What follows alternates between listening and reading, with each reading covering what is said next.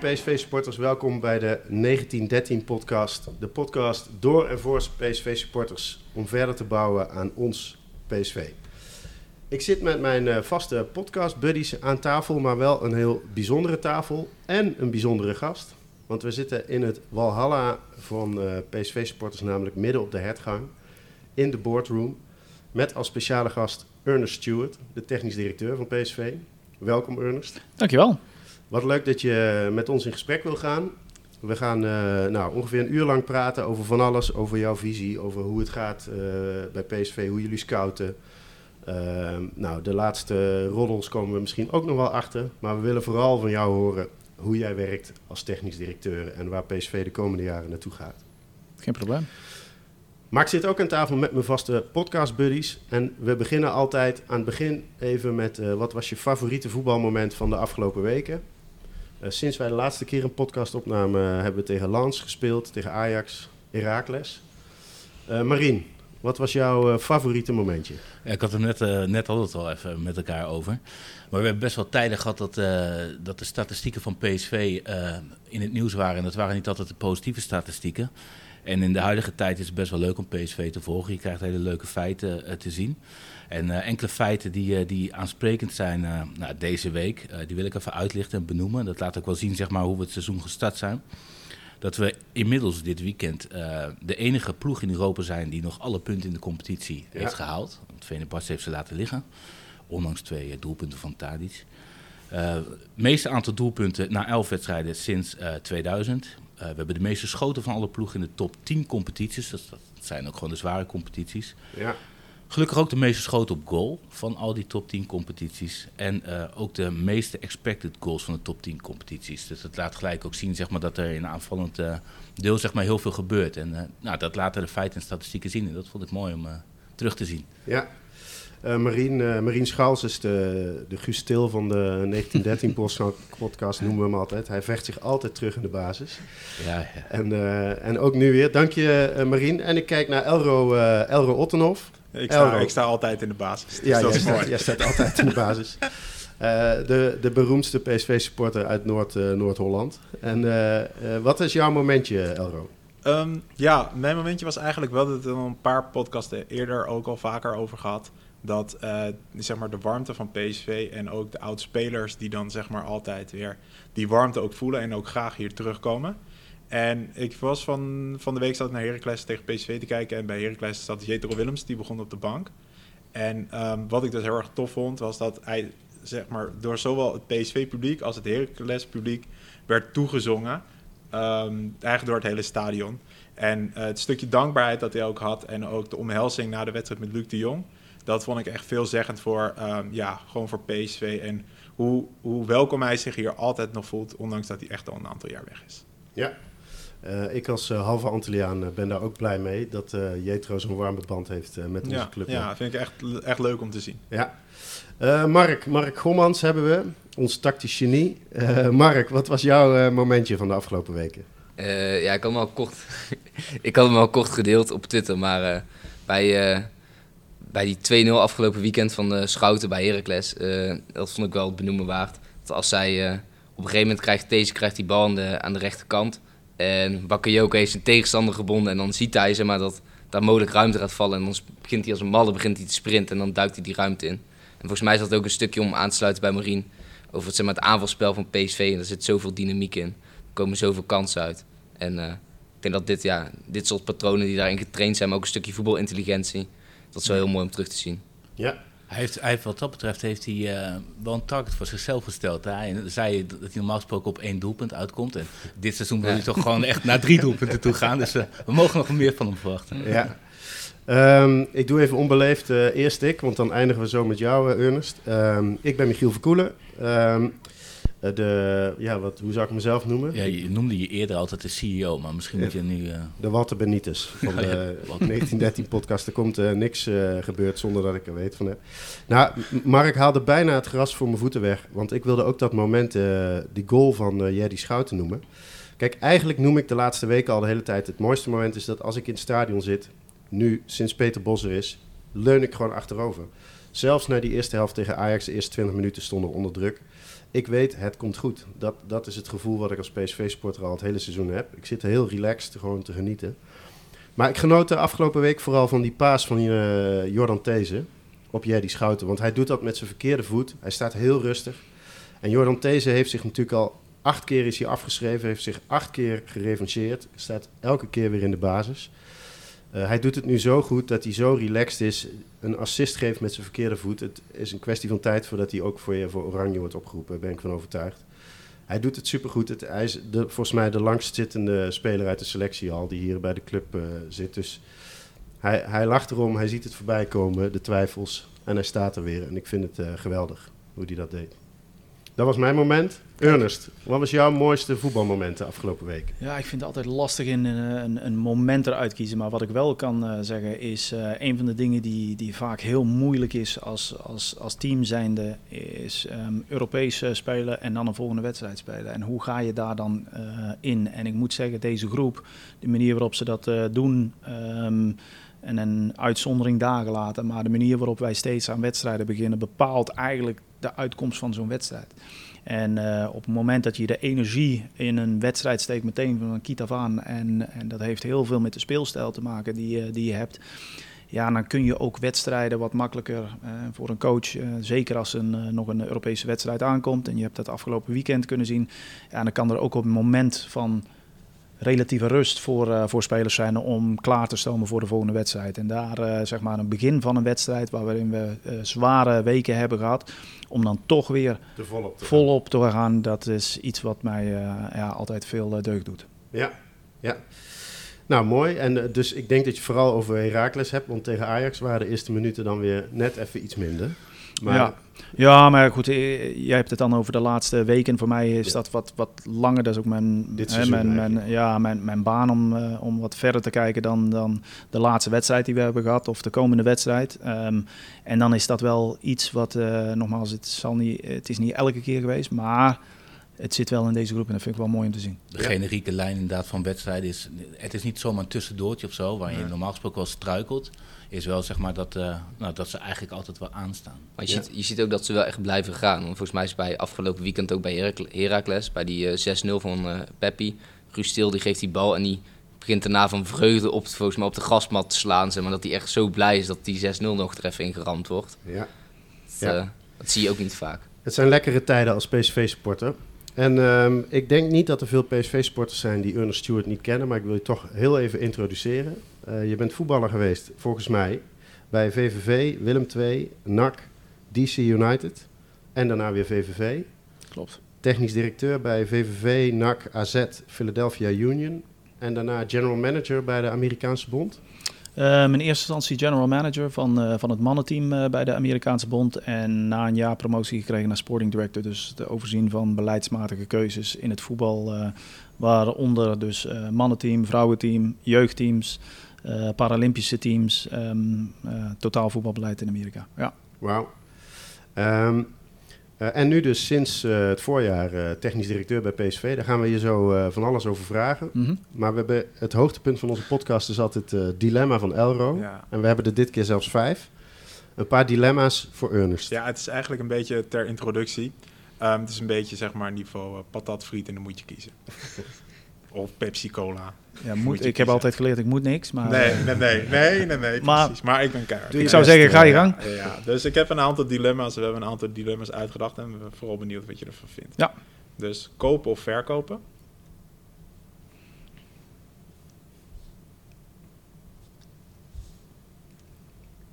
Het een kan niet zonder het ander. Maar als ik dan iets moet kiezen, dan zal ik maar kopen kiezen. Oké. Okay. Willem 2 of NAC? NAC. Onbeperkt budget of beperkt budget? Oeh. Be wat bedoel je met beperkt? Mag ik daar een vraag op stellen? Dat mag zeker. Ja, dus zeg maar of je hebt onbeperkt, of ja, of je hebt kleine, hele kleine mogelijkheden, of je hebt onbeperkte mogelijkheden. Manchester City of RKC Waalwijk. Ja, onbeperkt, maar ja, daar zou ik wel een kanttekening bij plaatsen. Dat op het moment dat je onbeperkt uh, um, uh, budget hebt, dan vaak ga je dan niet meer nadenken over wat, ja. uh, hoe je dingen moet ontwikkelen. Dus zeg maar een, beperkt budget. Ja, een beperkt budget ga je gewoon heel goed nadenken en creatief zijn over hoe je het beste uit een speler kan halen. Dus Ja. sorry voor de kant even. Ja, nee, nee, nee. ik wel blij mee. Ehm, kampioen of halve finale Champions League? Dat gaat om dit jaar. Dit jaar. Ja. Kampioen. Eh 1-0 of 5-4 winnen? Oh, ik moet aan Benitez denken. ja. ik weet hoe die erin staat. Ehm, gezien. ja, toch 5-4, want uiteindelijk eh, moeten we publiek eh, moeten we zien te vermaken. Ja, Speler of technisch directeur? Speler. Marco van Basten of Peter Bos? Als voetballer zou ik zeggen Marco van Basten, als coach eh, oh, Peter Bos. Ehm, Michiel of Hans Kraaij junior?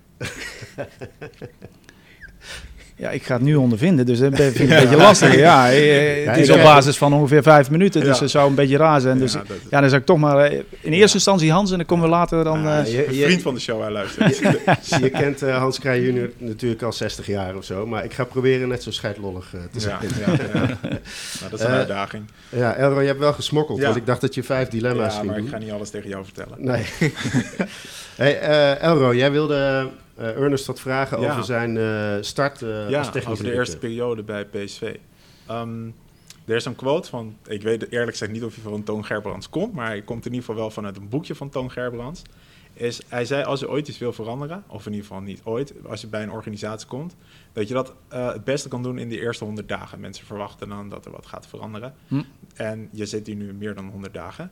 Dus we zijn vooral benieuwd van, wat heb je zeg maar in die eerste 100 dagen veranderd binnen de organisatie PSV? Ehm, ja, en ik, ik kan me wel eh, vinden in die woorden, hè, want het is vaak Ja. hè, op het moment dat je eh, langere periode bij een club bent, dan behoor je tot meubilair en dan ga je mee in het denken zoals het er is. En je moet altijd proberen verfrissend te zijn. Ik hou me zelf voor dat ik eh, in ieder geval me dusdanig probeer te ontwikkelen dat ik zo ver mogelijk daarvan weg blijf. wil niet zeggen Ja. dat je niet meer eh, onderdeel bent van, maar dat is wel belangrijk ehm, om dat eh, zo te doen. Anderzijds vind ik het ook belangrijk. Het is leuk en aardig dat ik hier kom en dat ik een idee heb over wat er moet gebeuren. Maar je moet de club ook leren kennen. Je moet cultuur leren kennen. Je moet DNA van de club leren kennen. Dat gaat niet zomaar. Eh, daar moet je ook tijd en aandacht moet je daaraan besteden. Om meer beleidsmatige keuzes voor de, de, de toekomst Ja. te maken. Ehm, als ik dan kijk naar waar, hoe ik eh, begonnen ben bij, bij PSV om, om eerst eh, te gaan kijken. Wat is het nu? Eh, te leren wie de club is, wat de cultuur is en, en wat er zich in het verleden dus als, heeft afgespeeld en waar we naartoe, graag naartoe willen. En, en eentje, een van die dingen die we eh, gaandeweg zijn, zijn gaan ontwikkelen, is wel de speelwijze. Hè. Er lag, vorig jaar lag er met Ruud die een, eh, een hele goede basis heeft eh, gelegd van ehm, waar we echt mee, eh, mee verder konden. In eerste instantie was het de bedoeling om met Ruud te doen en later zijn we eh, uiteraard is gebeurd wat er gebeurd is, wat vervelend is. Eh, en zodoende hebben we dat doorontwikkeld. Dus dat zijn wel eh, elementen als ik het dan heb over eh, een visie. Eh, ik denk dat dat belangrijk is in alles wat je doet. Ehm, dat je een visie neer moet zetten over hoe je graag wil spelen. En van die visie, of je het nou over scouting hebt, over opleiden hebt, over persoonlijke ontwikkelingsplannen. Ja. Dat moet overal aan een, aan een kapstok vastge, vastgehaakt worden. En ehm, nou ja, dat is wel een van de grootste dingen die in die, in die dagen eh, die er zijn geweest, eh, Ja, waar we heel hard mee bezig zijn Als je geweest. dan zeg maar het stukje over, want je zegt DNA en zeg maar de, ja, hoe de club in elkaar zit. En dan vooral het stukje dan DNA en wat hoort er bij PSV. Wat merkt u dan dat daar anders was bij PSV dan bijvoorbeeld bij een AZ? En dat je daar een andere, andere visie op, eh, op nalaat. Ik hoop het een beetje duidelijk. Eh, ja, ja, nee, wel. Ja. Ehm, ik, nogmaals, ik denk dat alle clubs een andere insteek hebben en hun fans op een andere manier naar een wedstrijd eh, kijken. Ehm, eh, dan ga ik terug naar mijn AZ-tijd, waar die een eh, cultuur hebben van ze willen heel graag op een bepaalde manier willen zij spelen. Dat moet er sprankelen, moet dat eruit zien. En, ehm, en, en PSV, zoals ik PSV ken vanuit het verleden en de grote spelers die ze hier naartoe hebben gehaald, eh, zitten er een extra element zit daar, eh, eh, zit daar nog bij. Als je het dan hebt over PSV en het familiaire wat er is. Ehm, eh, als je hier op de hertgang rondloopt en ehm, eh, spelers waar je het straks ook over had, die hier weer terugkomen, ja, die worden hier allemaal verwelkomd. Het is, het is openlijk, het is hartig, dus dat moet je houden. Maar de professionaliteit moet je dan ook weer, weer waarborgen daarin om, om uiteindelijk dan een rol van de betekenis te spelen in de, in de competitie. Ehm, dus die, die, die houvast aan, aan wie de club is en wat de cultuur is, ehm, die is belangrijk omdat ik vind dat als ik, ik ben alleen maar een vertaler van de visie van, van PSV en de cultuur van PSV. Het is niet wat, wat Ernest denkt of eh, ehm, eh, wat Pietje of Jantje denkt. Nee, het is uiteindelijk wil je iets, eh, wil je een product op het veld wil je neerzetten waar de, waar de fans zich mee kunnen identificeren. Daar zijn we Ja. mee bezig. En, en als dat past binnen de cultuur en de, en de zienswijze van je fan, dan denk ik dat je het goed doet. Uiteindelijk kan er maar eentje kampioen worden. En de uitdaging is natuurlijk, ehm, en ja, we willen kampioen worden, laat dat voorop zijn. Maar stel dat het niet gebeurt, hoe kun je toch nog mensen vermaken dat ze toch elk weekend naar je stadion toe komen? Ja. Nou, en dat is denk ik heel belangrijk voor eh, de vertaalslag voor een, eh, een directeur voetbalzaken van PSV. Is dat je die, dat probeert, eh, hoe moeilijk het ook is. Hè, want we zijn hier om kampioenschappen te winnen en Champions League te halen. Ehm, dat is heel belangrijk. Maar als het een keer niet zo is, dan wil je toch nog dat de Ja. fans naar je stadion kunnen komen en, en zich Is dat kunnen dan ook een extra identificeren. reden om bijvoorbeeld gewoon Noah Lang zo snel mogelijk eh, vast te leggen afgelopen zomer? Ja, nou, heel duidelijk gewoon. eh, het, het begint eerst, eh, zoals ik al zei, eh, die basis is gelegd Ja. vorig jaar. Ehm, en vervolgens ga je nadenken van wat, hoe kunnen we nou ehm, ehm, eh, nog meer het, pub- ons publiek vermaken. Nou ja, wat wij vonden en wat ik zelf vond, is dat je daar creativiteit aan toe moet voegen. Je moet daar doelpunten aan. Je mag nooit afhankelijk zijn van een persoon. Nee. Ehm, dus we moesten daar creativiteit, eh, om één tegen één te spelen, moest je functionele techniek, we moesten doelpunten aan, eh, aan toevoegen.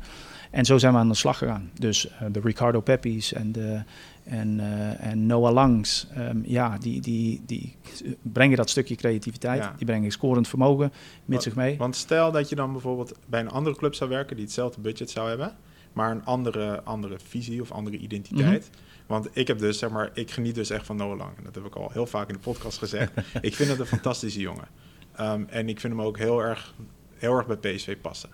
Ehm, zou je dan een keuze maken? Stel, je zou bij een club zijn waar de identiteit anders is, of waarvan ze zeggen van, nou weet je, er is hard werken, of noem maar even iets, eh, noem maar even iets anders. Zou je dan een andere keuze gemaakt hebben voor bijvoorbeeld een andere speler, omdat die ide- identiteit van die club eh, misschien niet, Ja. niet bij hem. Ik, ik denk Past. dat je dat altijd moet doen. Ja, hè, die, die speler moet, ehm, die, die, één die moet bij de club passen en andersom precies, het, eh, Ja. precies hetzelfde. Dus, en als je dan eenmaal een, een bepaald idee hebt van hoe je een team wil samenstellen en hoe dat eh, over moet komen op het publiek, ja, dan ga je daar keuzes op maken. En ik denk dat dat heel belangrijk is om daar keuzes op te maken. Want als je dat niet doet, dan denk ik dat het wel eens fout zou kunnen gaan en dat men niet past of eh, eh, en in de speelwijze die je Ja. wil spelen. Ja, het, die, die spelers moeten daar wel in passen. Ja. Ja. Ja. Ja. En ik heb een aantal interviews van je, van je teruggekeken. Onder andere bij eh, AZ, eigenlijk voorna- voornamelijk bij AZ. Mhm. Ik weet niet, misschien dat mijn algoritme zo werkt dat ik heel veel Noord-Hollands nieuws krijg. dus ik eh, zag We veel... hebben allemaal ontzettend met je te doen. eh. Ja, ja, dank, dank, dank voor de support. Ehm, en dan zag ik zeg maar rondom ehm, de aanstelling van Marco van Basten... ging ook het gerucht dat Peter Bos zeg maar toen benaderd was...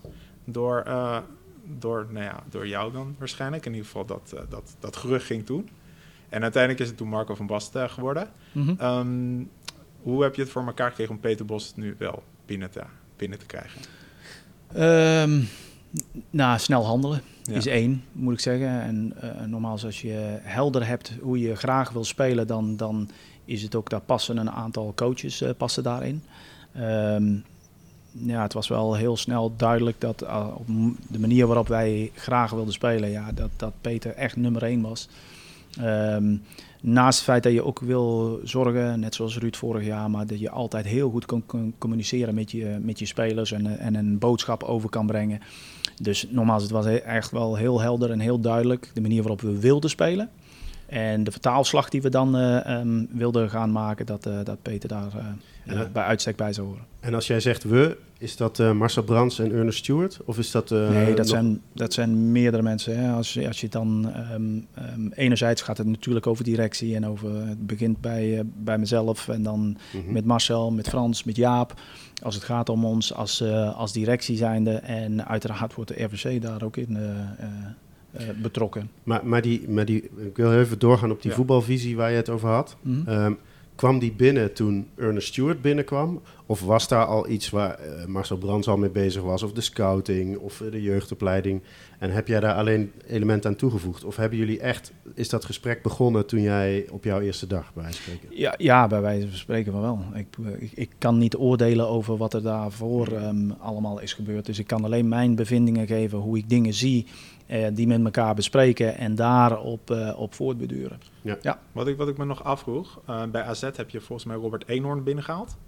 Of in ieder geval, Nou, althans zo- zo- in dat interview dat ik gezien had, leek het erop alsof jij zeg maar, jij deed in ieder geval het, het interview dat hij was binnengehaald bij AZ. Ja. Wat was dan, nou dan, dan kan ik Peter gewoon vragen wat je rol daarin was.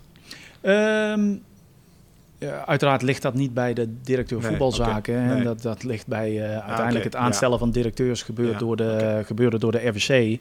Alleen in mijn rol was daarin... ehm, eh, die hebben een twee, eh, AZ heeft een tweekoppige directie. Althans, ja. destijds hadden ze een tweekoppige directie. En ja, die twee moeten nou samenwerken. Dus vandaar dat ik samen met, ehm, ook met een RVC-lid eh, destijds, eh, eh, samen met Robert, eh, heel, veel, eh, heel veel gesprekken heb gehad. Eh, Dus, maar Ja. het, het Ja, het, binnenhalen het heeft je eh, namelijk geen windeigen gelegd. En ik was het dus eigenlijk wel benieuwd, want hij had zeg maar een helemaal profiel van buiten voetbal volgens mij. Ja, klopt. Ehm, wat denk je, dat, zou, zou, zoiets bij PSV op termijn ook, eh, eh, ja, kijkt PSV daar naar? Naar dat soort profielen? Ja, dat je weet, weet ik- nee, ja, het is sowieso een andere constructie. Hè. We Ja. hebben een vierkoppige directie Ja. bij, eh, bij PSV en zij hadden een tweekoppige directie. Dus, en zij hadden daar een, een beeld bij dat er iemand voor voetbal moest zijn. Ja. En dan moest de, de, de algemeen directeur moest uit sport komen. Dat was hun visie zoals zij het deden. Dus. Toon eh, vanuit volleybal, sportachtergrond, eh, algemeen directeur. En Robert vanuit, eh, vanuit, het, eh, vanuit het honkbal en dat. Dus dat is hun Ja. structuur. Ja. Wij hebben een andere structuur. Oké, ja, duidelijk. En- en nog één dingetje over je visie. Ehm, eh, en dan eh, gaan we zo even naar Marien. eh eh, ik ga Marien weer wat vragen. Maar ehm, hoe zorg je ervoor? Een onderdeel van het technisch beleid lijkt me ook dat je fysiek en mentaal de fitste club van Nederland of misschien wel van Europa wil zijn. Eh, hebben jullie al dingen in gang gezet? Zijn daar al dingen veranderd? Of is dat, was dat gewoon al top en hoefde je daar niks aan te doen? Of heb jij eh, bepaalde specialisten binnengebracht en ook daar een visie op ontwikkeld? Ehm, ja, een beetje van beide in die zin dat je, ehm, ja, dat willen wij inderdaad, dat streven wij na. Hè. Je wil Champions League, je wil op allerhoogste niveau, dus dat betekent dat je fysiek, mentaal. Ik ben Amerikaans, eh, als er iets is vanuit het Amerikaanse, eh, wat ik mee heb genomen is mindset. Mindset vind ik ehm, ontzettend belangrijk en, en ik zal ik dit verhaal bij vertellen. ehm, is toen ik eh, met Amerika samen met Craig Burhalter aanstelde om coach te worden, was een van de belangrijkste zaken die wij heel graag wilden, was uiteindelijk als je naar het WK toe gaat, dat iedereen die in het hotel zit of naar een wedstrijd toe gaat, gelooft dat ze wereldkampioen kunnen worden. Mhm. Of dat nou de realiteit is van, van Ja. hoe goed je bent, of, maar dat je dat geloof hebt. Ehm, en dat was een van de, als ik iets terug moet nemen van mijn tijd met Amerikaanse elftal, waar ik heel blij mee was en misschien wel het woord trots eh, zou noemen, is dat dat gevoel er echt was op Ja. dat moment. En was dat bij jou als speler toen anders in 94? Ja, dat kan, ja, dan, Ja. Dan, ja, je bent de underdog en zo ging je er ook Ja, naartoe. Zo voelde je je ook en, en dan deed je je best om dat. Maar in mijn hoofd moet je altijd streven naar het, het, het maximale.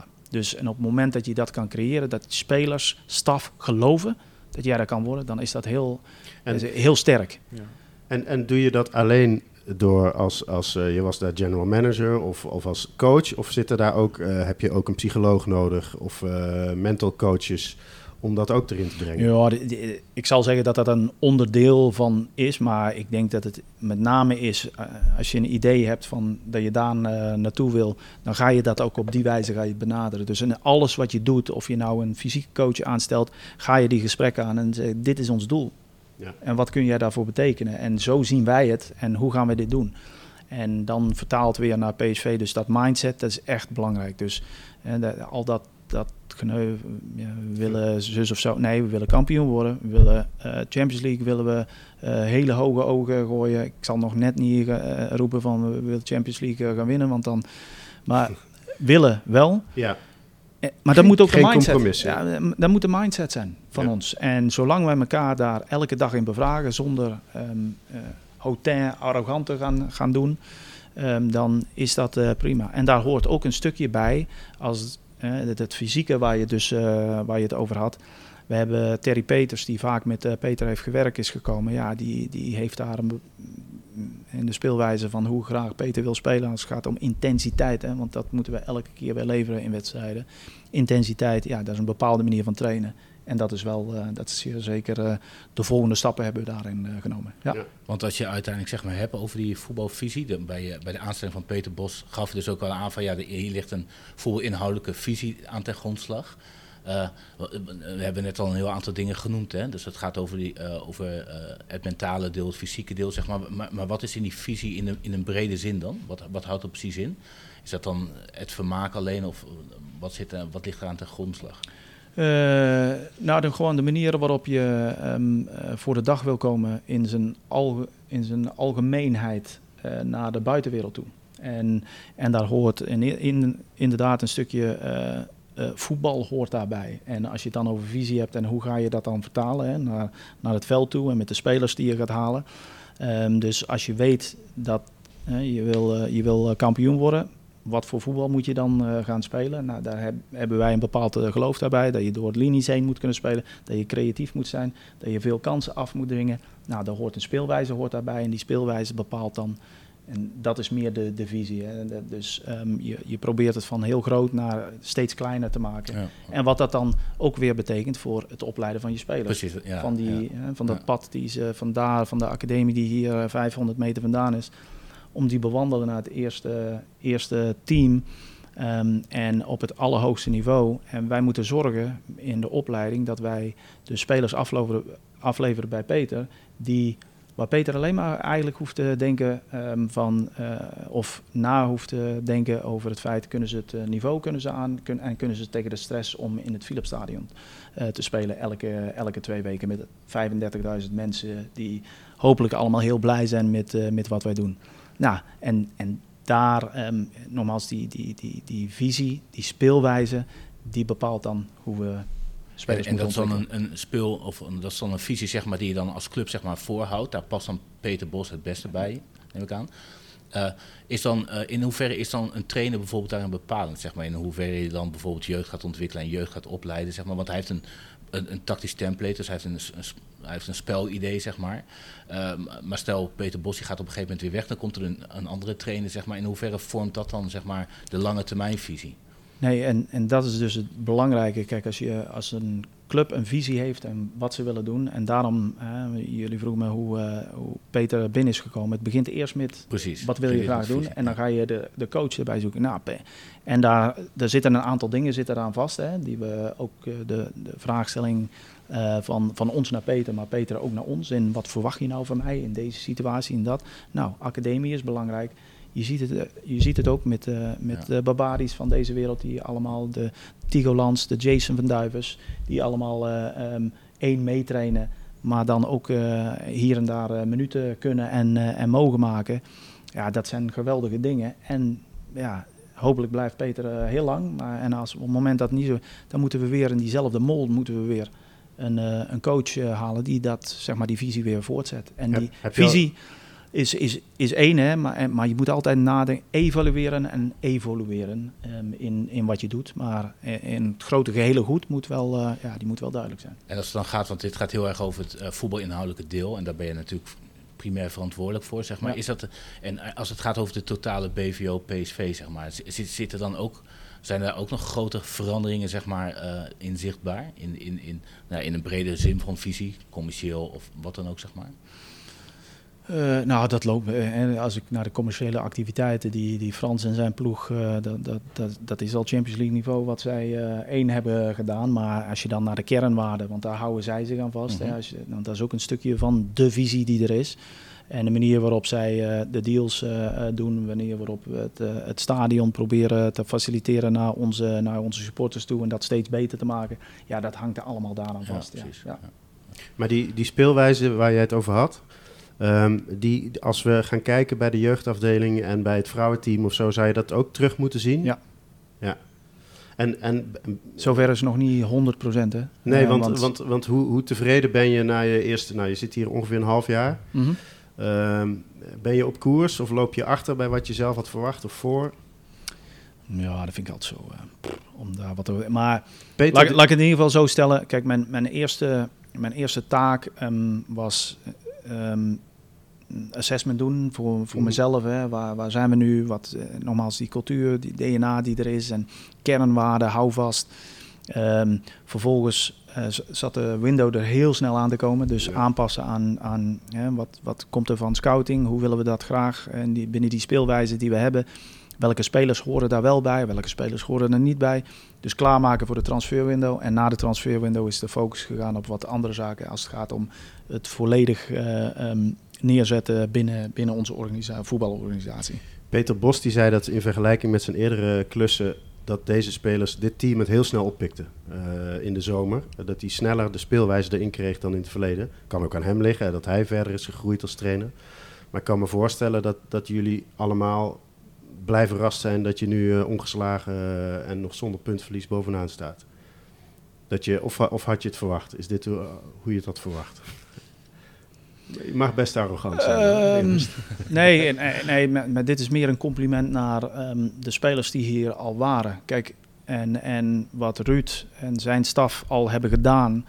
Um, er, er, waren hier al goede ja. spelers. Jordan ja. These, Guus Stil, uh, uh, Boscari. Ja, en, en, um, en met tijden zijn ze misschien wel eens afgeschilderd alsof ze er niks van konden. Ja, dat, dat, dat is natuurlijk grote onzin. Dus de kwaliteit van spelers die er al was. En ja, de, de duidelijkheid en de manier waarop Peter wil spelen. En de manier waarop hij met zijn staf duidelijkheid verschaft naar die spelers. Ja, die, die allemaal in een, in een organisatie, een structuur. Uh, ja, en dat zijn diezelfde spelers als, als vorig seizoen. En daar hebben we natuurlijk wat aan, aan toegevoegd. Um, hoop, hopelijk, en dat denk ik, binnen uh, de, de gedachtegang die we hadden. En dat samen, ja, zijn we, ja, kan ik wel een beetje in ieder geval zeggen dat ik, uh, um, het is wat, misschien wel wat sneller gegaan dan dat ik zelf had verwacht. Maar om ja. nou te zeggen blij verrast is dan... dan dat is je, je, Ja, je ziet gewoon de kwaliteit ook van, van spelers die er al, al waren en die er nu dus uh, ja. Ja, bij zijn gekomen. Ik, Marien? Ja, ik, ik had eigenlijk nog wel een vraag. Want het ging even over die lange termijn en over uh, het TD zijn. En nu las ik, tijd geleden las ik een artikel dat gemiddelde TD in Nederland, zeker, ja, je, je geeft zelf aan, het is echt een lange termijn visie ook. Mm -hmm. En dat je niet van de een op de andere dag het uh, kan veranderen. Maar dat de gemiddelde TD in de Eredivisie twee jaar zit. En dat het best wel een tendens is dat, het, uh, dat een TD ook bijna zeg maar een soort trainer wordt, de, de, de doorloopsnelheid. Um, hoe kijk je daar tegenaan? Tegen die tendens? Ja, dat is niet mijn ervaring. Nee. Dus ja, ik kan daar niet zoveel. Ja, ik kan daar niet zoveel mee. Ja, dat, dat, dat weet ik niet. Maar ik heb langer bij AZ gezeten. Ja. Um, uh, 2,5 jaar dan weliswaar bij Philadelphia. Maar uit een positieve zin ben ik naar US Soccer gegaan, waar ik 4,5 jaar heb gezeten. Ja, ik. ik uh, maar ook als speler zijnde ja. heb ik uh, um, langere tijd bij clubs gezeten. Ja, dat is... Maar als speler word je natuurlijk wat minder snel ontslagen, verwacht ik. Nou ja, althans, ik heb het nog niet. ik zie dat in ieder geval niet zo snel. Nee, nee, nee. Maar, maar je, TD je, je kan ook afscheid nemen van, ja. uh, van, ja. van spijt. Maar los, je hebt gelijk. Dat, dat is wel anders dan een TD zijn. En dat de doorlooptijd, uh, ja, belangen zijn anders geworden. Um, uh, de, de rollenverdeling. Mensen zijn blij of ze zijn niet blij. En als, als ze niet blij zijn, ja, dan is, moet daar iemand de schuld van zijn. Dat is nou eenmaal inherent aan, aan ons vak wat er is. Denk ik dat normaal is? Nee, dat denk ik niet. Ik denk ook niet dat het goed is.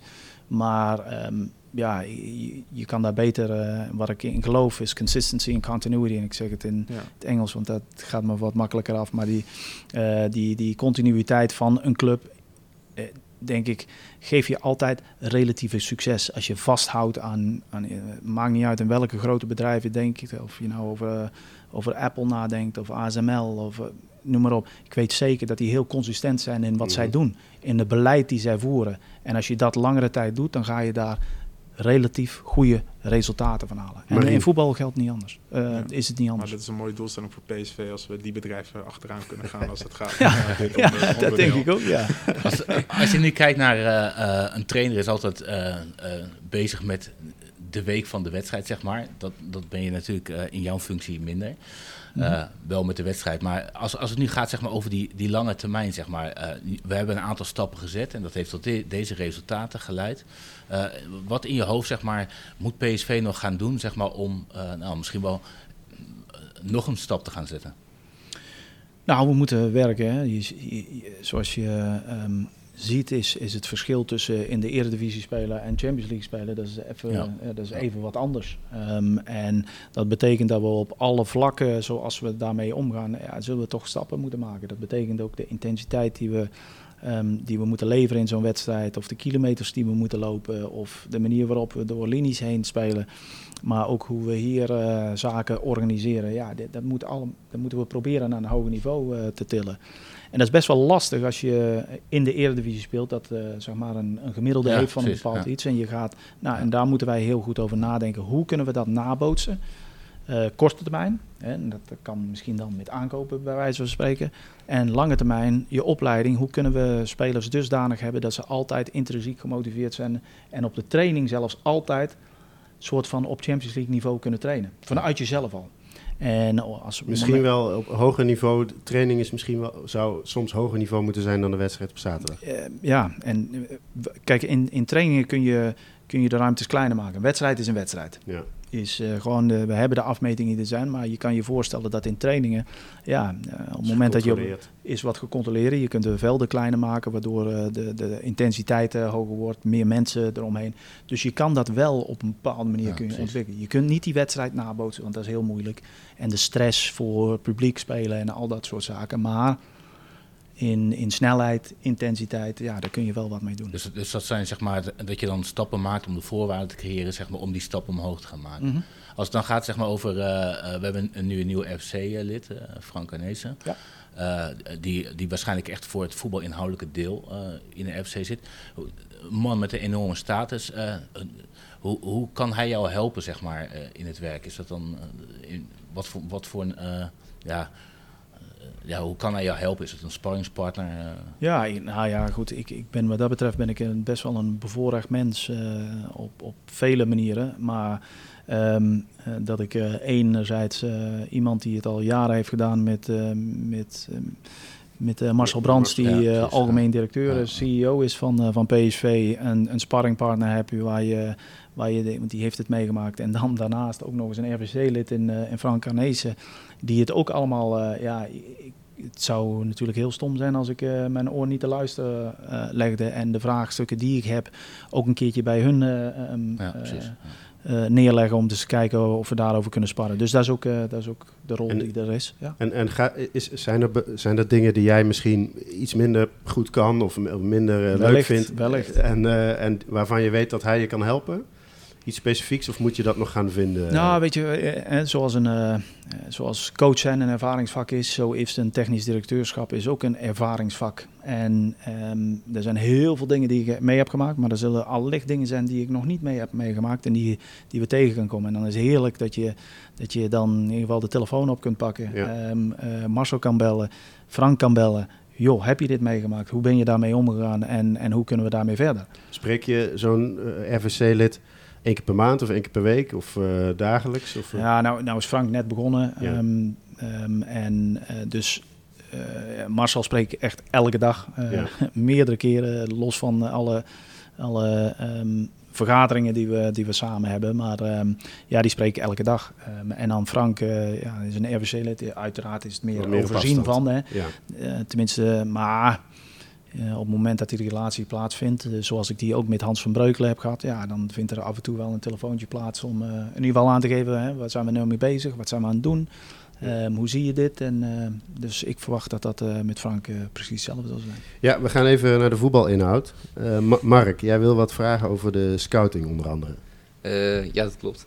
Nee, de- volgens mij is het best wel een interessant onderwerp. Omdat eh, heel veel mensen, eh, ja, als je kijkt naar het niveau wij als buitenwereld, wij zien natuurlijk uiteindelijk eh slechts het eindproduct, namelijk wie wordt er gehaald. En wij kunnen natuurlijk zien hoe hij, doet, of, ja, hoe, hoe hij of zij het doet op het veld. Mhm. Alleen we zien natuurlijk heel het proces eh, voorafgaand zien wij natuurlijk niet. En eigenlijk om in ieder geval om te beginnen, een term die best wel vaak eh, gebruikt wordt, is de bord op schoot scouting. Ik weet niet of u daarmee bekend bent met die term. Nee. Nou, ze bedoelen daarmee in ieder geval dat redelijk, relatief bekende spelers gehaald worden. Dus dat je bij wijze Oh, van ja, met bord eten op de bank zit en dan bij, eh, Studio voetbal ja, bij kijkt. studie voetbal Ja, kijkt en dan denkt het is een goede speler, die gaan we ophalen. Ja, bij de eerste Ja. samenvatting. En als je nou, als je nou kijkt naar deze, eh, naar deze zomer, heeft PSV denk ik best wel relatief bekende namen gehaald. Zou je eens kunnen uitleggen, ook misschien met wat meer inzicht, eh, gewoon richting, richting dat proces van scouten, waarom ja, dat soort transfers niet, niet per se bord op schoot scouting zijn? Waarom Nou, sowieso. Hè. Kijk, ehm, ik denk dat je wat vaker tegenkomt bij eh, de RKC's, eh, bij RKC of bij, eh, bij Emmen, dat, je, dat ze spelers halen die niemand kent. Dus dan is het blijkbaar doen die dan niet meer de bord op, op schoot.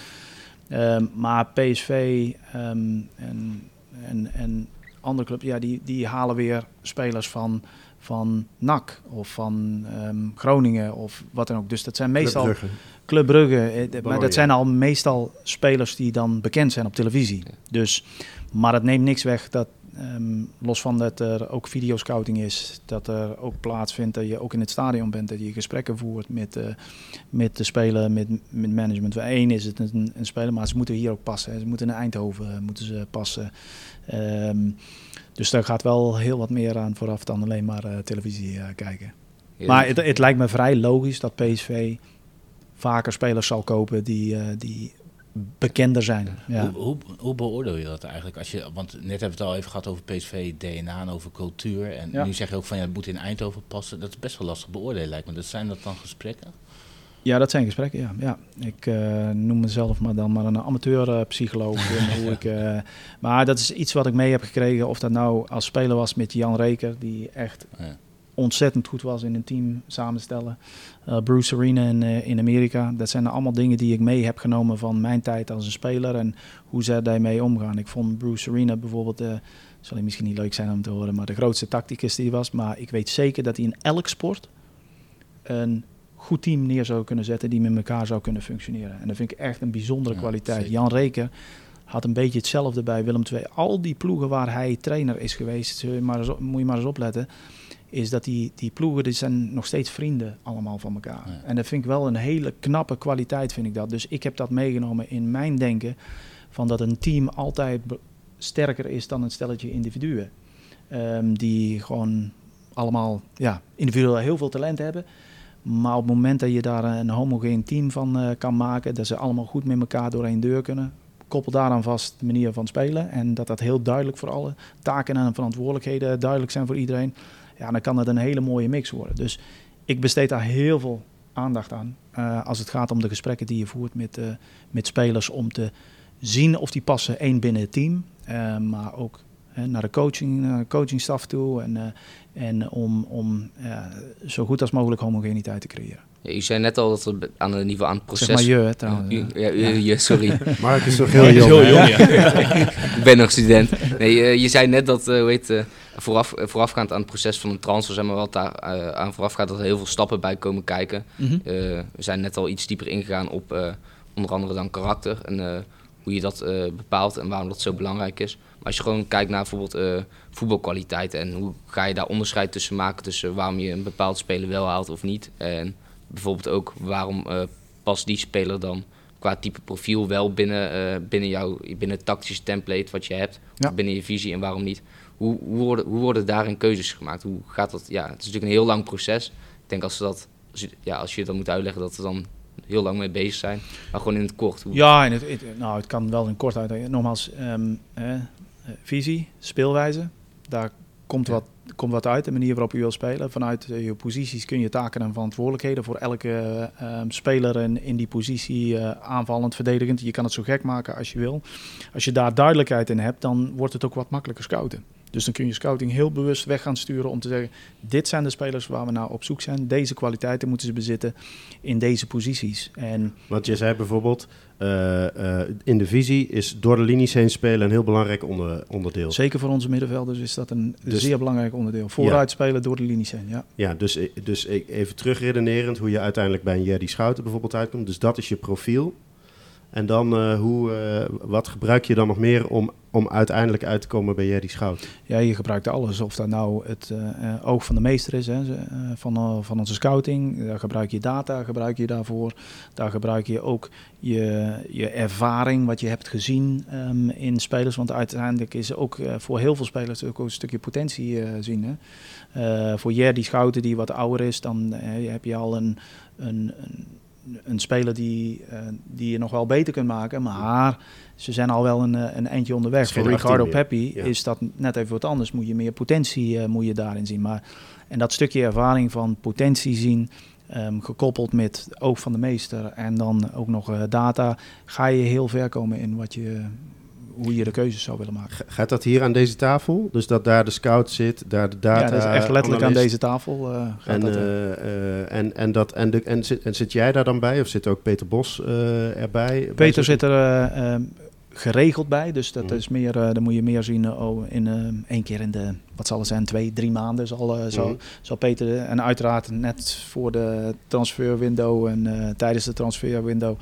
Misschien net even wat, wat vaker, maar eh ik zelf met, eh, met heel scouting, met video scouting, ja, zit hier eh, elke week zitten wij bij elkaar. Ja, je noemde net al data. Ik weet niet of, je- of je deze zomer een beetje gevolgd hebt, maar het is natuurlijk bij Ajax was het natuurlijk een beetje met Michel dat een beetje eh, in de media een beetje heibel over data. Maar ik denk inmiddels dat je er vrijwel niet meer eh, kan ontkennen dat het heel belangrijk is Ja. binnen het voetbal. En in Engeland heb je natuurlijk twee clubs, Brentford en Brighton. Brentford die zijn deze zomer ook gekomen voor Bakayoko. Dus ook een speler als je die onder de data geval legt, dan komt hij er heel goed uit. En hoe, hoe speelt data bij jullie een rol? Is dat zeg maar iets dat, dat je eh, een hele set hebt met bijvoorbeeld spelers en dat je dan in de data gaat zoeken en dan komen bepaalde spelers uit en die ga je dan scouten? Of is het dat, eh, dat je spelers scout en dat je dan eh, met data het beeld gaat proberen te bevestigen of, gaat, of, of, ja, of te ontkrachten? Eh, beide, zou ik willen zeggen. En dat eerste wat je dus roept, de eerste data en vervolgens dan filteren naar, naar spelers toe. Dat is, zover zijn we nog niet helemaal, zou ik willen Is zeggen. dat wel iets wat jullie naartoe willen gaan? Nou, uiteindelijk, de wereld is heel groot, hè. En, ehm, en op het moment dat je ogen overal naartoe moet sturen in de wereld, dan is dat best wel lastig. En hoe, dus we zijn aan het nadenken, hoe kun je de wereld een stukje kleiner maken ehm, en, en, en gericht gaan, gaan kijken. Dus ja, dat is iets. En nogmaals, dat hangt dan weer vast waar we het net ook over hadden. Hè, over die speelwijze en taken, verantwoordelijkheden. Dan kun je echt wel vragen gaan stellen en heel diep gaan in wat je nou verwacht. En dan kun je je voorstellen, nou, nou dan kun je de wereld eh, ligt aan je voeten. Want uiteindelijk eh, komt er dan eh, een aantal, komen er honderd namen uit. En dan kun je misschien gerichter gaan kijken. Maar het zal ook andersom altijd zijn, is dat de oog van de meester, die, die ziet iets, een scout ziet iets. Nou, dan ga je dan even, dan ga je nog wat aan vastkoppelen. En of, we, zoals we allemaal hier zitten, iedereen heeft een bepaald roze bril op op momenten. En af en toe heb je een zwarte. Je ziet wat je wil zien vaak. Ehm, en, en op het moment dat het eh, positief is, nou, dan, dan kijk je door alle dingen heen. En op het moment dat je negatief is, dan zie je de goede dingen niet meer. En daar kan data in ieder geval helpen om je weer weg. Oké, nee, daar heb ik toch. eh, en dan ga je wat gerichter naar zo'n eh, naar zo'n individu ga je kijken. Ehm, maar het is, een, het, is, het is wel een combinatie van, van beide daarin. Puur uit interesse, doen jullie daar ook gewoon, doen jullie daarin ook samenwerking met andere partijen? Ik weet bijvoorbeeld sommige clubs Nog- die werken bijvoorbeeld, samen met Stadsbom of met Opta. Maar jullie hebben bijvoorbeeld zelf met ASML hebben jullie een, eh, een partner die wel ja, niet per se in die wereld zitten, maar die zijn wel met data zijn ze bezig. Ze hebben volgens mij ook, dus eh, een aantal jaar geleden onder Roger Schmid was dat, dat er een eh, model was gemaakt voor pitch control Ja. voor PSV. Eh, onlangs was ook met Ernst Faber die bij FC Afkikken zat met Neil Peetsen destijds met de Otter Cup. Dat, dat jullie met data spelersprofielen cognitieve testen deden. Is dat, ja, is, is- hebben jullie daar ook een samenwerking in, bijvoorbeeld met ASML? Of een, Eh, nee, dat nog.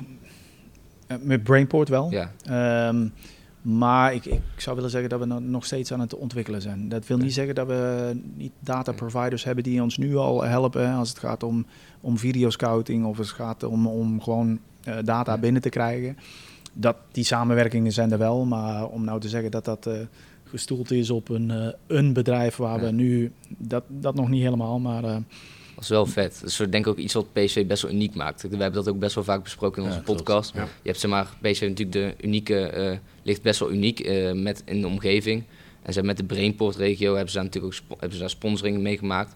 En ze hebben daar ook heel, zit heel veel kennis in, wat natuurlijk gedeeld wordt. Ja, de- kijk, dat is ook iets van, van PSV. hè. Brainport is denk ik een, een geweldig concept. Eh, als je het dan hebt over innovatie die, er, eh, die zich Ja. afspeelt. En dat, en dat wordt in de Otto Cup wordt dat, eh, dan weergegeven. Maar ik denk ook dat we ehm, zeg maar Brainport en de omgeving van Eindhoven kunnen gebruiken om nog slimmer dingen te doen in de, in de toekomst. Ja, ja Nou, nou, nou noemde Mark al Brighton en Brentford, die nu heel bekend zijn als clubs die ja, hierin voorop lopen. Mhm. Eh, eh, spelers vinden op plekken waar anderen ze nog niet vinden.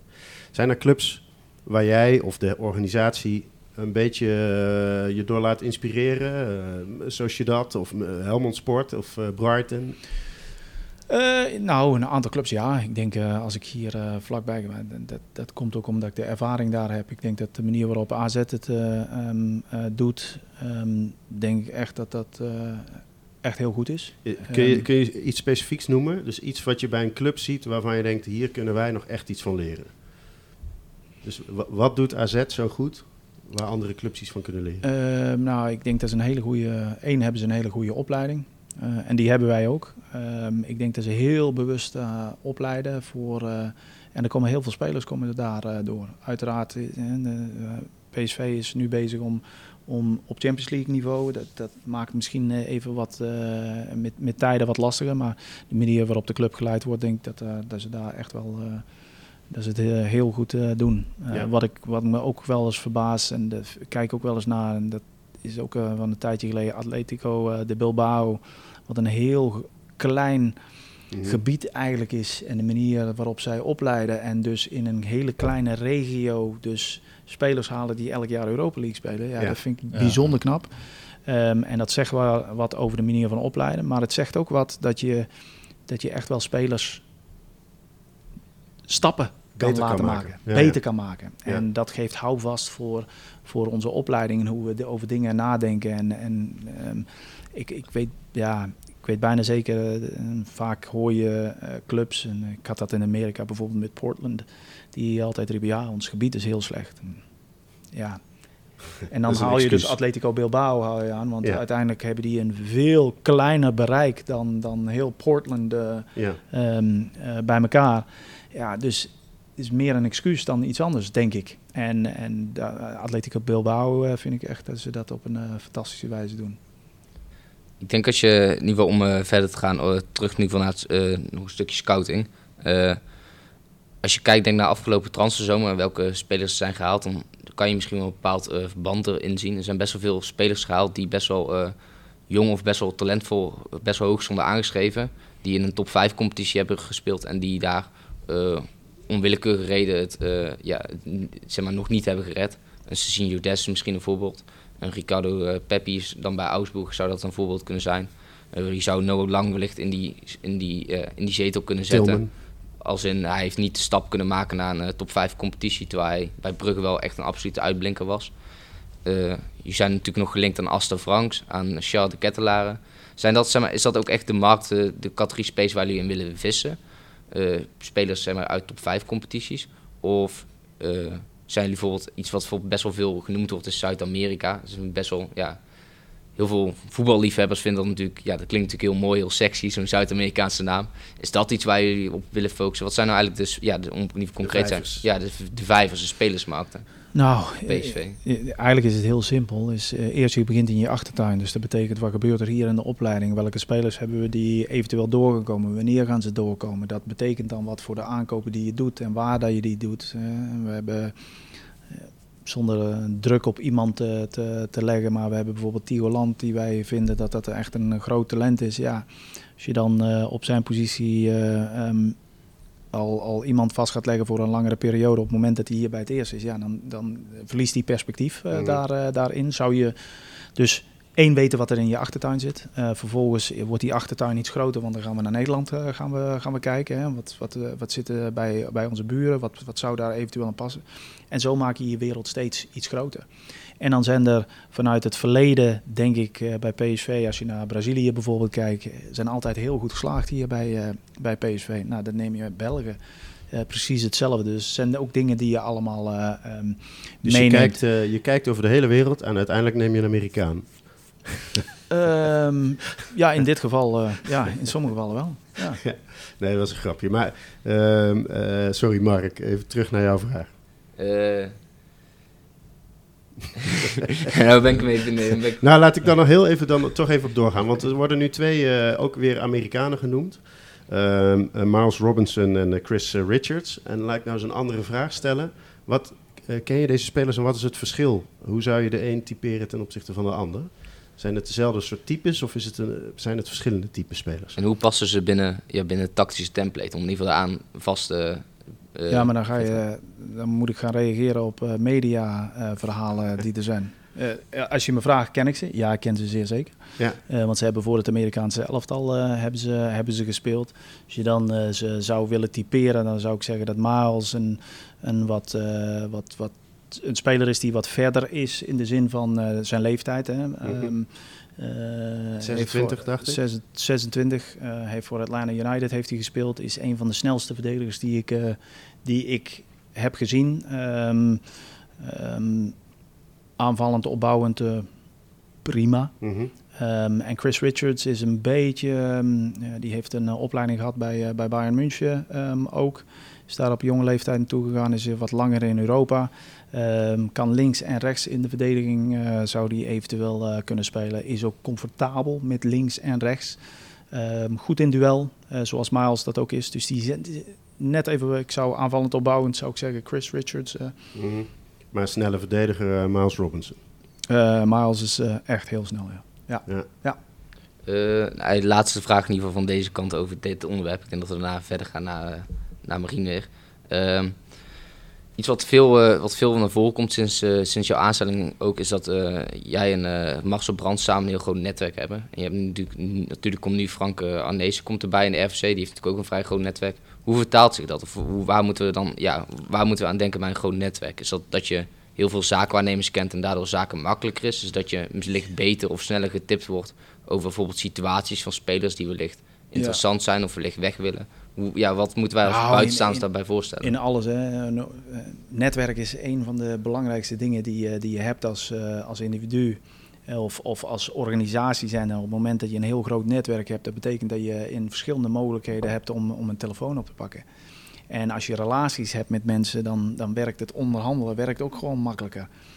Op het moment dat je um, uh, Frank Arnees, uh, Marcel Brands en, en mezelf, ja, dan, dan, en dan, en dan vergeet ik even dat we ook nog Jan Vennegoor of Hesseling, die al jaren de wereld rondgaat. Mm. Nou, het moet wel raar lopen dat we niet iemand kennen om, om vervolgens informatie op te doen voor. Um, en dat kan je op alle gebieden kan je dat helpen. Of dat nou met aankopen te maken heeft of verkopen te maken heeft. Um, dat is wel, ja, dat is wel een, grote, dat is een groot uh, netwerk. Dat is goed om dat te hebben. En daar zitten ook uh, relaties zitten erin wat nooit kwaad kan. En dat culmineert dan allemaal op Transfer Deadline Day, uh, Elro. En daar ben jij benieuwd naar, hè? Ja, ik denk namelijk sowieso dat een hoop fans die Transfer Deadline Day... dat is echt volgens mij een mega magisch iets. Althans, zo komt het op mij over. Dat altijd, ja, weet je, oké, wat gebeurt er? Mensen doen zo'n 24 uur klok van... oké, okay, uh, nou, gaat er nog wat gebeuren? Maar ja, jij bent zeg maar TD. Hoe, hoe ziet zo'n dag eruit? Ja, ik moet zeggen, deze was ook wel, uh, deze was ook wel spannend. Um, in die zin je moet eerst teruggaan. Vaak is het in het begin van de window gebeuren een aantal dingen. En dat zijn de spelers die dan uh, uh, heel erg courant zijn, waar mensen geld voor. En dan krijg je eigenlijk een periode dat er heel weinig gebeurt. Ja. Dan gaat iedereen dan, dan is er nog heel veel tijd. Ja. En dan is de aanbieding die je doet uh, naar iemand of de aanbieding die je krijgt, is allemaal niet voldoende. Um, en zo blijft dat maar voortkabbelen totdat het tijd korter wordt. En dan wordt in één keer alles wordt vloeibaarder. Ja. En dat heeft vaak dan zijn uitwerking op de laatste dag in sommige gevallen. Want gewoon, hoe laat, hoe laat heb je voor... Hoe laat sta je op op die dag? Ik wil eigenlijk gewoon allemaal dat soort dingen bij me weten. hoe laat gaat voor het eerst je telefoon?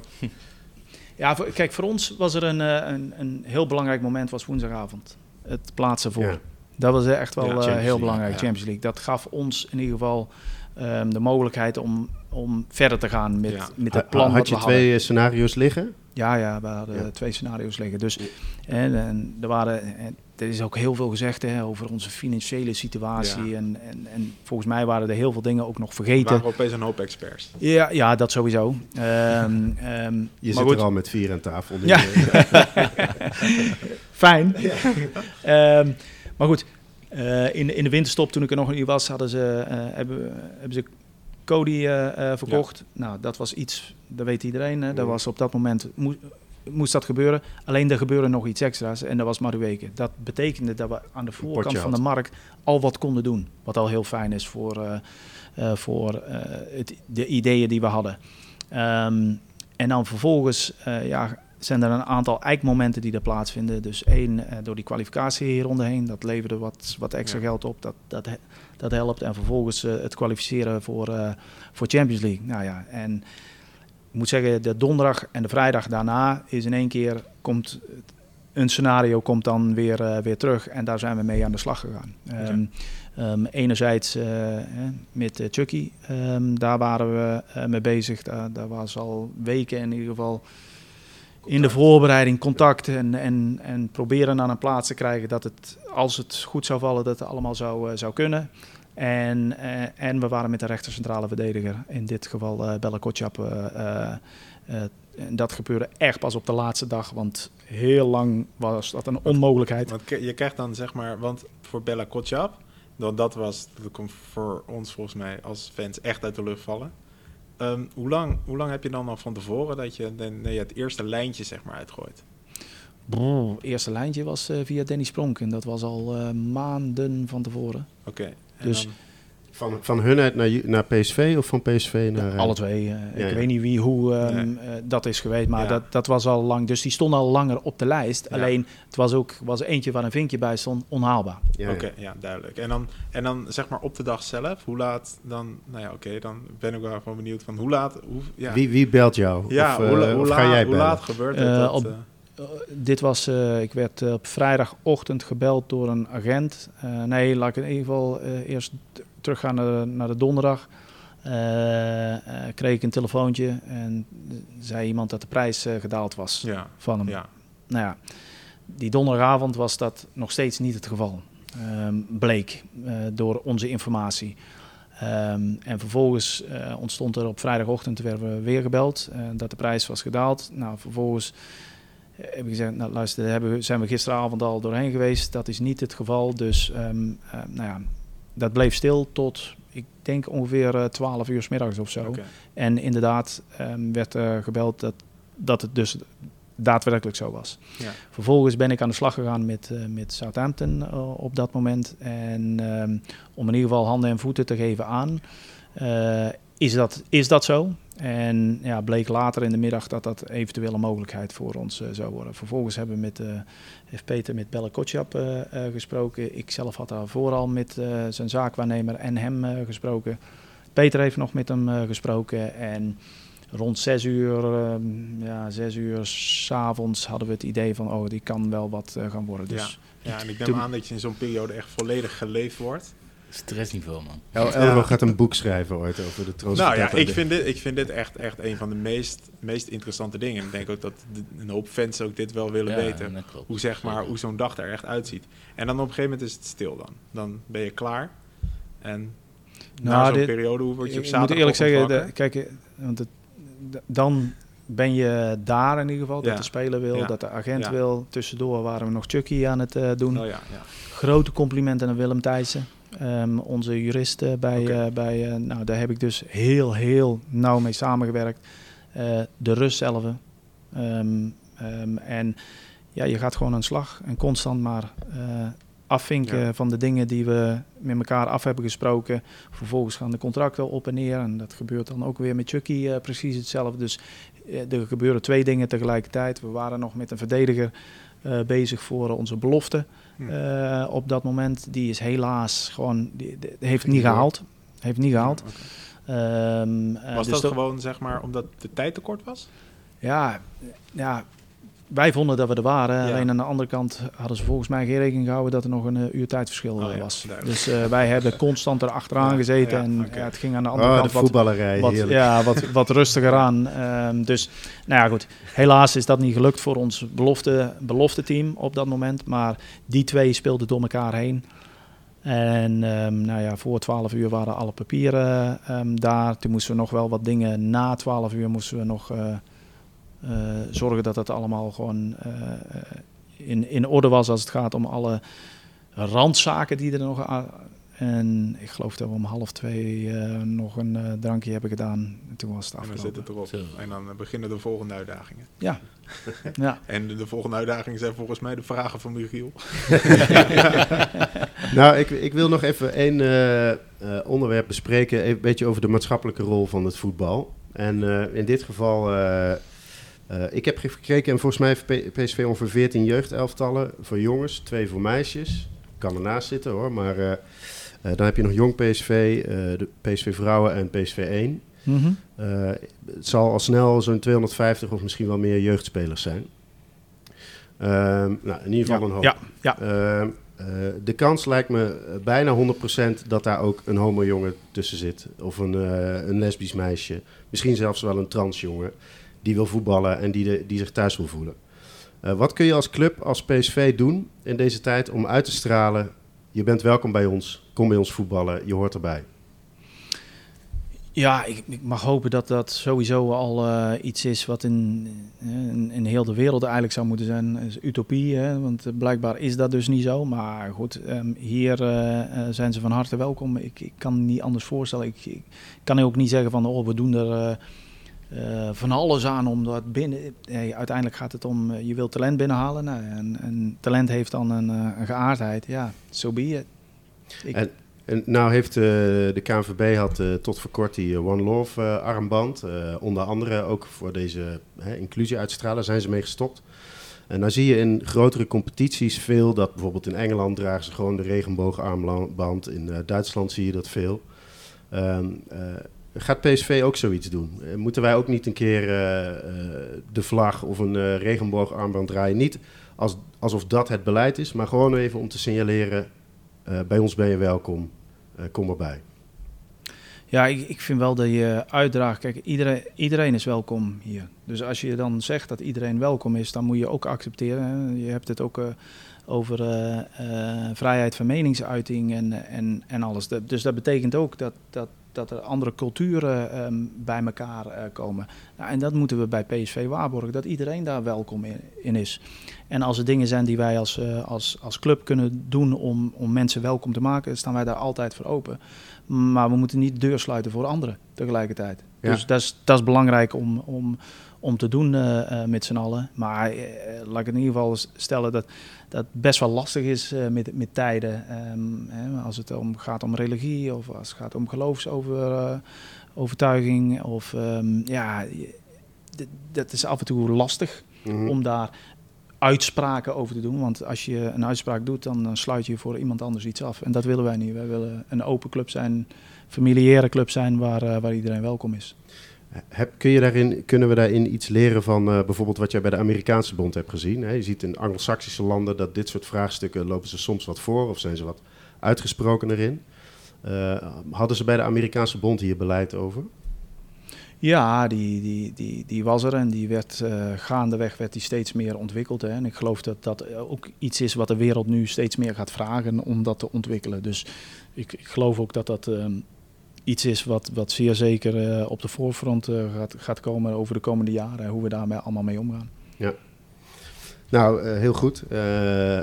Je ziet ook bij clubs in het buitenland, maar nu inmiddels ook in Nederland, dat ze soms bijvoorbeeld roze supportersverenigingen hebben. Hè? Dus gewoon een, sportersclub, maar om even uit te stralen, niet dat een homoseksuele supporter nou anders is dan, dan een andere supporter, maar toch in de voetbalwereld even te laten zien, je hoort erbij en er, is een, er is een plek voor jou op de tribune of op het veld. Ehm, nou, ik zou het mooi vinden als PSV ook eh, zoiets laat zien. Of een keer met zo'n regenboogvlag eh, of armband eh, zou spelen.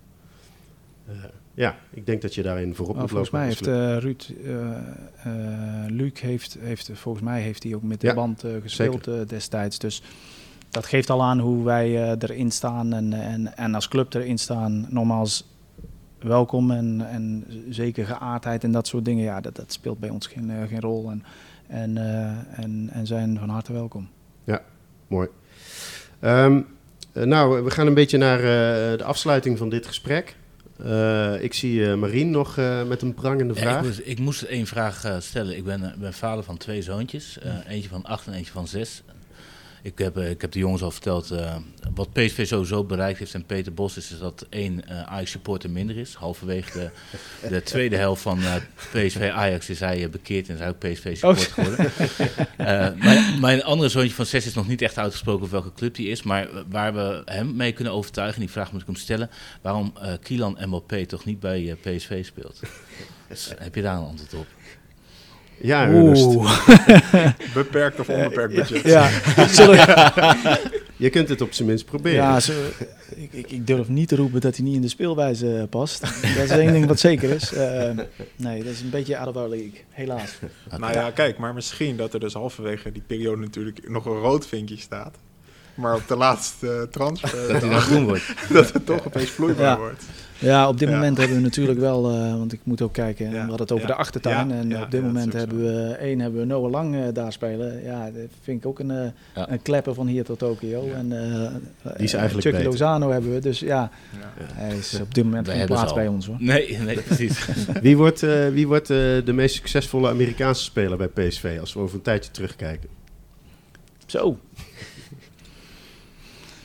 Oeh.